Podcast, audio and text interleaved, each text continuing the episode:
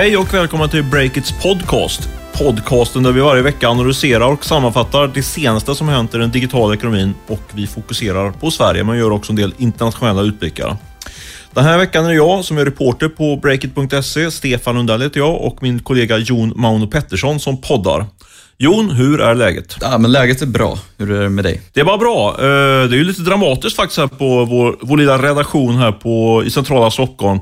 Eh, Ola Aronsson brukar ju normalt sett vara med här och podda, men han har inte tid. Han håller på med en riktigt het nyhet som vi kommer att presentera på vår sajt ungefär när vi, när vi spelar in den här podden. Det handlar om att eh, det problemtyngda rabattbolaget Wrap faktiskt får in två riktigt tunga nya storägare. Det är H&M och Klarna. Det där rapporterar Ola om alltså på sajten. Vi ska också såklart prata en del om det i podden och försöka analysera vad detta betyder. Jag kommer också lista tre stora affärer på den svenska techscenen som jag tror kommer genomföras i höst. Eh, men mer om det senare. Först måste vi snacka lite grann om vad som hänt sedan vi poddade sist, Jon. Vad, vad ska vi börja med? Ja, jag tänkte vi kanske ska börja med Vigor Sörmans YouTube-nätverk Splay som vi har rapporterat en hel del kring nu under sommaren. I, I veckan kunde vi avslöja att bolaget som, eh, som då hjälper YouTube-stjärnor att tjäna pengar på sina varumärken, att de värderas till en kvarts miljard kronor i samband med att eh, MTG gick in som huvudägare tidigare. Och eh, i, i samband med detta plockade man ju även in 37 miljoner kronor i riskkapital. Och det som är intressant med det här, och förutom att det är kul med siffrorna bakom affären såklart, är ju också att den nya värderingen är en kraftig ökning jämfört med då de tog in pengar sist. Då värderas Play bara till, inom situationstecken, då, 47 miljoner kronor. Ja, det är en kraftig värdeökning, för det var väl bara för något halvår sedan ungefär som, eh, som MTG, MTG gick in till, till den här värderingen 47 miljoner kronor. Eh, och det där ty, tror jag tyder på eh, så att säga, hettan i den här sektorn, eh, YouTube-sektorn. Allt fler tittar ju på YouTube och överger den traditionella TVn och det här har ju också då annonsörerna upptäckt. Om man tittar man då på Splay så räknar man att de kommer omsätta 100 miljoner kronor i år eh, och kanske skulle jag gissa på någon miljard på 4-5 års sikt. Och utifrån det så är ju då en, en kvarts miljard i värdering på hela bolaget idag inte jätteaggressiv, halvaggressiv skulle jag säga. Men det man kan konstatera är att MT kom in på en väldigt billig nivå, eh, vilket kanske får eh, analytiker som följer MT-aktien och, och sticka sig i munnen och bli intresserade. Och bra affär för MTG. Ja, det är det så här långt i alla fall. Det är ju inte, det är inte realiserade pengar än, men eh, det ser bra ut kan man säga. Ja, men vi ska väl prata lite om saker som eller ändå relaterar till det i samband med dina spekulationer om de stora affärerna som du nämnde innan. Just det. Men eh, sen har det ju hänt en massa annat spännande i musikindustrin och st- streamingbranschen som vi bevakar på sajten också. Eh, så sent som i natt, svensk tid, så är det klart att Spotifys tunga gubbe Ken Parks, som är innehållschef på bolaget samt eh, bolagets första anställda i USA, har beslutat sig för att hoppa av bolaget.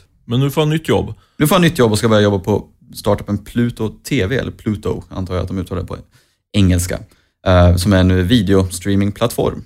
Så vi får väl se lite vad, vad han ska göra där, men det är väl Är det ett tungt avbräck för Spotify att han eh, slutar? De har ju vadå, 1500 anställda i och för sig, så det finns ju fler på firman. Men vad tror du? Du som eh, musik, musikstreaming-expert. Alltså man kan ju alltid byta ut en, en högt uppsatt chef, men han är ändå ett tungt namn som varit med i bolaget väldigt länge. Som sagt första anställda i USA och han är ju ett ännu tyngre namn där borta. Eh, så det är väl klart att det är ett avbräck, men jag, det finns väl säkert sina skäl till det och Spotify klarar nog sig utan honom också kan jag tro. Och Dan Lek får ju fortfarande ta del av hans råd. Du, det har hänt lite, eh, händer ju nya saker nästan hela tiden, nästan varje dag kring Spotify. Nu är det Taylor Swift som har gått till ny attack. Den eh, tunga artisten Taylor Swift. Vad är det som har hänt? Ja, vad vet du om Taylor Swift tänkte jag fråga, men Inte så mycket, inte så mycket. Men jag har hört en och annan låt, måste jag eh, erkänna. Så inte säga. Men det, det har jag gjort i alla fall. Men inte så mer än så. Du, nej, är- nej, men hon tog ju som bekant bort sin musik från Spotify i höstas tror jag det var, eftersom hon inte gillade deras så kallade freemium-modell, den är kostnadsfria, att man får prova på Spotify utan att betala och få lyssna lite reklam på köpet. Uh, det gillar hon inte alls och hon har kritiserat det bland annat i Wall Street Journal och sådär. Men uh, numera finns ju hennes musik på Apple Music och Tidal, i alla fall delar av hennes katalog och sådär, eftersom de tar ju betalt av sina användare oavsett. Men i en intervju med Vanity Fair har hon nu i alla fall gått till attack mot Spotify ännu en gång. Fast den här gången klagar hon på deras agerande i samband med att hon tog bort sin musik.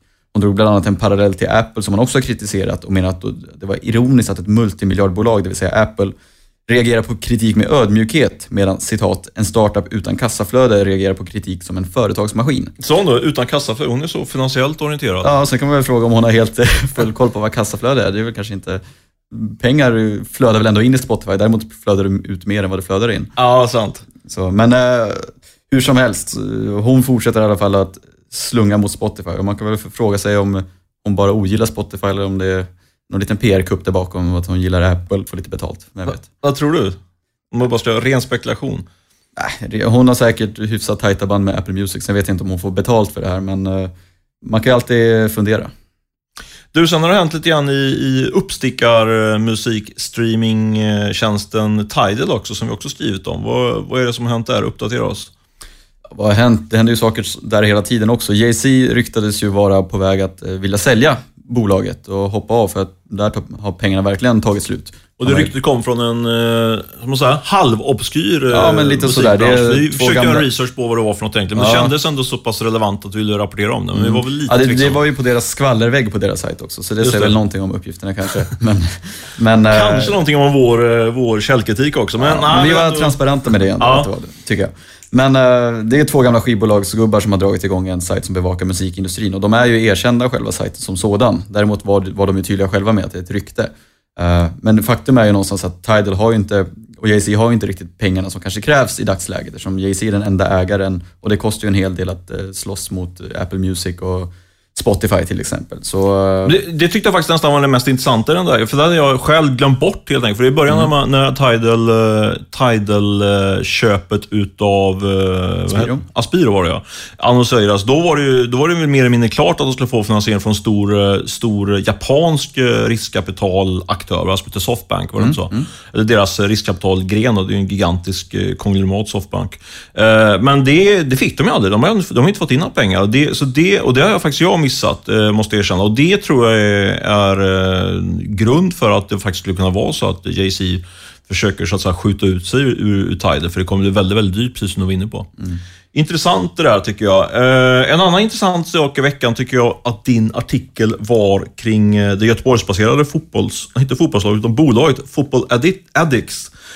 De har utvecklat världens näst största fotbollsapp. Vilken är den största?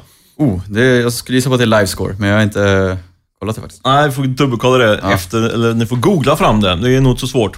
Eh, det, det, han- alltså, den nyheten de hade, jag kom aldrig fram till det innan jag var tvungen att fråga dig andra saker här. Eh, de har ju rekryterat TV4-profilen Johanna Garå, eh, som var ju expertkommentator på TV4 här i alla fall i, så sent som i vintras. Men nu, nu går hon till Football Addicts. Vad, vad säger vi om det? Ja, det är ju lite intressant. Eh, Football Addicts har gjort klart med samarbete med Viasats fotbollsexpert Ola Wenström också. Och gillar man fotboll, vilket jag gör, så förstår man att det är rätt tunga namn där ändå som man har knutit till sig. Och det mest intressanta som jag tycker, det är ändå att det är en startup här som plockar till sig bra namn och inreder nya samarbeten och inte ett klassiskt mediehus. För förut har det väl varit lite mer så att man går från TV4 till kanske Aftonbladet och vice versa.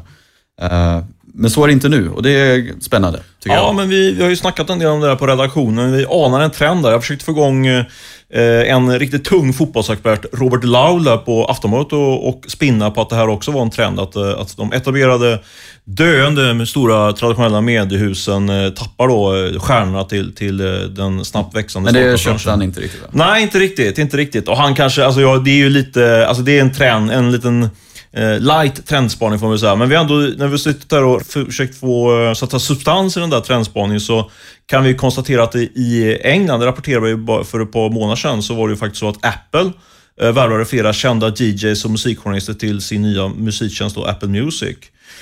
Och eh, i november så gick eh, den ganska profilerade eh, vad säger man, träningsjournalisten eh, Beatrice Pamp, som jobbar på Aftonbladet och tidigare varit chef för Frida också. Hon gick över till Sportamore, där hon nu producerar innehåll för, för, för den e-handel. e-handels- Ja, e-handelssajten, precis. Eh, och sen skrev vi också faktiskt nu i veckan, här bara igår var det, om det, den nya designsajten som går in i Sverige som heter House. Riktigt spännande bolag eh, ur flera aspekter, men om vi, håller oss kvar kring den här trendspaningen så är det så att de har ju i sitt stall flera duktiga journalister som producerar innehåll för, för sajten. Eh, och jag tänker så här lite grann kring detta att eh, vi pratar, det pratas mycket i mediebranschen om native advertising, som handlar om att man, det har vi på vår sajt också, sponsrat innehåll. Eh, Men för att det ska bli, det är ju en riktig en hype kring det bland eh, både marknadschefer och eh, medieägare som hoppas kränga på det här på de stackars medieköparna. Det är ingen synd om dem, de har ju mycket pengar. De ska pumpa pengar på oss, hoppas vi på. Nu var det en lång utläggning som jag inte riktigt ska ro hem, men så här tänker jag kring detta. Native advertising är riktigt hett. Men frågan är hur, hur, liksom, hur bra avkastning det är för pengarna. Och för att få riktigt bra avkastning på den typen av investeringar så måste man ha riktigt bra innehåll. Och då tror jag att det kan bli så eh, på lite sikt att eh, de här stora annonsköparna som köper native advertising helt enkelt värvar de bästa journalisterna eh, för att producera det innehållet. De har ju jämfört med mediebolag liksom obegränsade resurser att ge till journalisterna som kan lägga ner mycket tid på producera bra innehåll som i slutändan eh, ger en bra avkastning i form av sålda produkter. Vi har ju sett det tidigare, redan nu finns det ju den tendensen Eh, kan man säga, just i alla fall kring den här native advertising-trenden. Telia ingick ett stort samarbete med Aftonbladet här för ett par månader sedan där man eh, kommer finansiera en reporter i Silicon Valley. Väldigt spännande. Sen eh, anklagas, får man väl säga, den väldigt profilerade Dagens Industri frilansjournalisten Jan Gradvall, musikjournalisten. Han gjorde ett stort porträtt på Zlatan i samband med att han spelade in en reklamfilm som ni alla känner till. Vi får se var den lilla trendspaningen landar, om vi får rätt eller fel. Men det handlar lite om att eh, man vill åt trovärdigheten som de journalisterna står bakom. Är det korrekt? Ja, det är det väl. Men jag skulle säga i den nya världen så är ju, hävdar jag att innehållet är nästan viktigare än trovärdigheten. Så det är väl egentligen det, det väldigt vassa innehåll som man vill komma åt. Då får man liksom trovärdigheten på köpet. Miss Hosting är sponsor av veckans podd, vilket vi såklart tackar eh, varmt för. Deras engagemang gör det möjligt för oss att göra den här podden varje vecka och Miss Hosting har ju varit med oss i princip sedan vi drog igång i början av det här året. Och när man inte sponsrar oss så jobbar Miss Hosting faktiskt hela dagarna med att hjälpa bland annat andra startups att dra igång eh, nätbaserade bolag kan man säga. Ja, exakt. Det kan handla om att eh, man köper en webbadress eh, eller lägger sin sajt på Miss Hostings webbhotell. Och du kan också få en egen server via Miss Hosting, bland mycket annat. Och ett erbjudande som finns på Miss Hosting just nu och har funnits en tid är att alla som är intresserade kan få en helt mobilanpassad hemsida för 10 kronor i månaden. Eh, gå in på breakit.se och klicka dig vidare på någon av Miss Hostings annonser där så får du all information du behöver. Därmed tackar vi Miss Hosting för veckans sponsorskap. Tack Miss Hosting! Då har det blivit dags att äntligen snacka om det som vi flaggade för här i inledningen av podden. Eh, vi har ju en nyhet om rabattbolaget Wrap som har eh, faktiskt fått in väldigt tunga eh, ägare den senaste tiden. Jon, vad är det vi har fått fram så här långt? Jo, vi, eller rättare sagt vår kollega Olle Aronsson, arbetar just nu med den här storyn. Och, så det kan ju finnas färskare uppgifter att läsa på vår sajt nu när det avsnittet kommer ut, ska vi väl tillägga. Men det som har hänt i alla fall, det är att betaljätten Klarna har klivit in som huvudägare i bolaget med aktieposter som motsvarar ungefär 9,5 procent av bolaget. Och dessutom kliver klädjätten H&M in och tar över 6,4 procent av aktierna i bolaget. Vilket eh, ja, det är såklart lite förvånande nya ägare. Och eh, totalt pumpas in 25 miljoner kronor i nyemission i Wrap. Och vad värderas bolaget till eh, i den här finansieringsrundan? Ja, vad vi har förstått så värderas bolaget till 129 miljoner kronor, vilket är en kraftig minskning jämfört med sommaren 2013 då bolaget eh, värderades till eh, ungefär dubbelt så mycket, 285 miljoner kronor. Men eh, ja, Wrap, du som har följt bolaget ganska ingående då under lång tid, vad betyder det här? Alltså, ja, historien om Wrap är att det är jag skulle säga, ett av de mest hypade bolagen i, på den svenska techscenen, egentligen på den nordiska techscenen också. Eh, de har tagit in eh, över 150 miljoner kronor i riskkapital från väldigt tunga aktörer.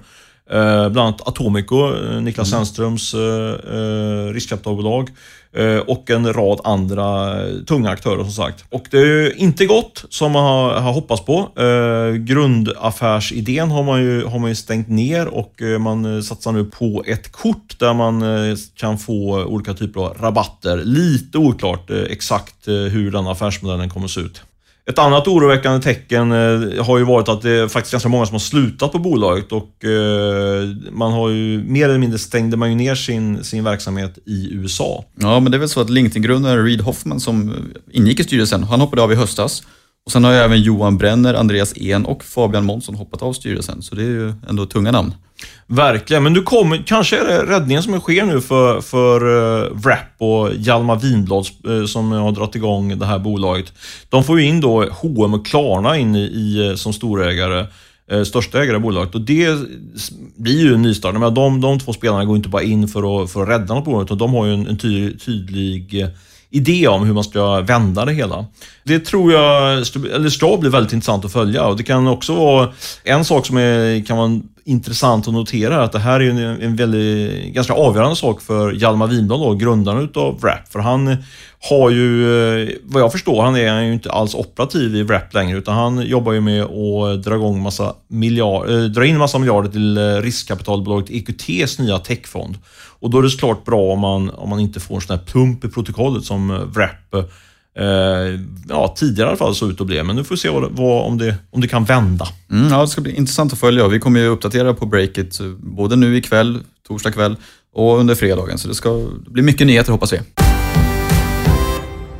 Yes, men Stefan, nu ska vi fortsätta med det här segmentet som jag tycker är lite spännande. Du ska ju kolla i spåkulan och spekulera i framtiden om eh, kommande stora affärer. Du ska avslöja dem innan ägarna själva känner till dem ungefär. Precis. Är det korrekt uppfattat? Ja, det är mycket enklare att bestämma dem själv än att behöva springa och få dem bekräftade. Så det stämmer, absolut. Men eh, berätta, första affären, var, vad, vad, vad, tror du? Ja, jag har ju tänkt på att lista tre, tre stora affärer som jag tror eh, finns i alla fall en viss sannolikhet att de kommer att bli verklighet här under de närmaste fem sex månaderna. Och min första affär som jag sticker ut hakan och hävdar ska ske är att Google, sökjätten, kommer att sluka hela vår svenska stolthet här som heter Truecaller, mm. telefonboksappen. Eh, vi skrev ju här för några veckor sedan om att, eh, refererade från eh, techsajten eh, Techcrunch, att eh, Truecaller är på väg att eh, göra en nyemission, stor nyemission. Och då talades det, spekulerades ju om att eh, Twitter skulle vara en av de som skulle gå in. Men jag, jag tror att det kommer bli så här att eh, Twitter, de är ju på väg att bli uppköpta de också, så jag tror inte att det blir Twitter som går in som minoritetsägare, utan jag tror att Google passar på nu när Truecaller är ute på marknaden och helt enkelt köper hela bolaget. De har ju en utav Googles styrelseledamöter sitter ju redan i eh, Truecallers styrelse, så det tycker jag är upplagt för en sån affär. Men vad är synergin där, som du ser det? Det vet jag inte, så det får du inte fråga mig om. Ah, Okej, okay. ja, då går vi vidare. Men uh, du, du för övrigt också spekulerat att Google ska köpa Spotify, om vi ska vara lite kritisk mot dina spekulationer. Är det helt kört eller vad? ja, absolut. Nej, men jag brukar ju alltid säga, normalt sett så ska man göra precis tvärtom vad jag, vad jag spår i, i alla fall när det gäller aktiemarknaden och liknande. Så det, man får verkligen ta det med en stor nypa salt det här. Nej, men jag tror fortfarande att den affären kan bli av, även om den har dragit ut på tiden. För där finns det ju en klockren synergi med tanke på att Google äger YouTube, som är i praktiken är Spotifys största konkurrent. Det är många som lyssnar på musik via YouTube. Så den, den tror jag fortfarande på, även om det verkar dröja en stund mm. innan det blir verklighet. Ja, men spännande. Och sen eh, affär nummer två.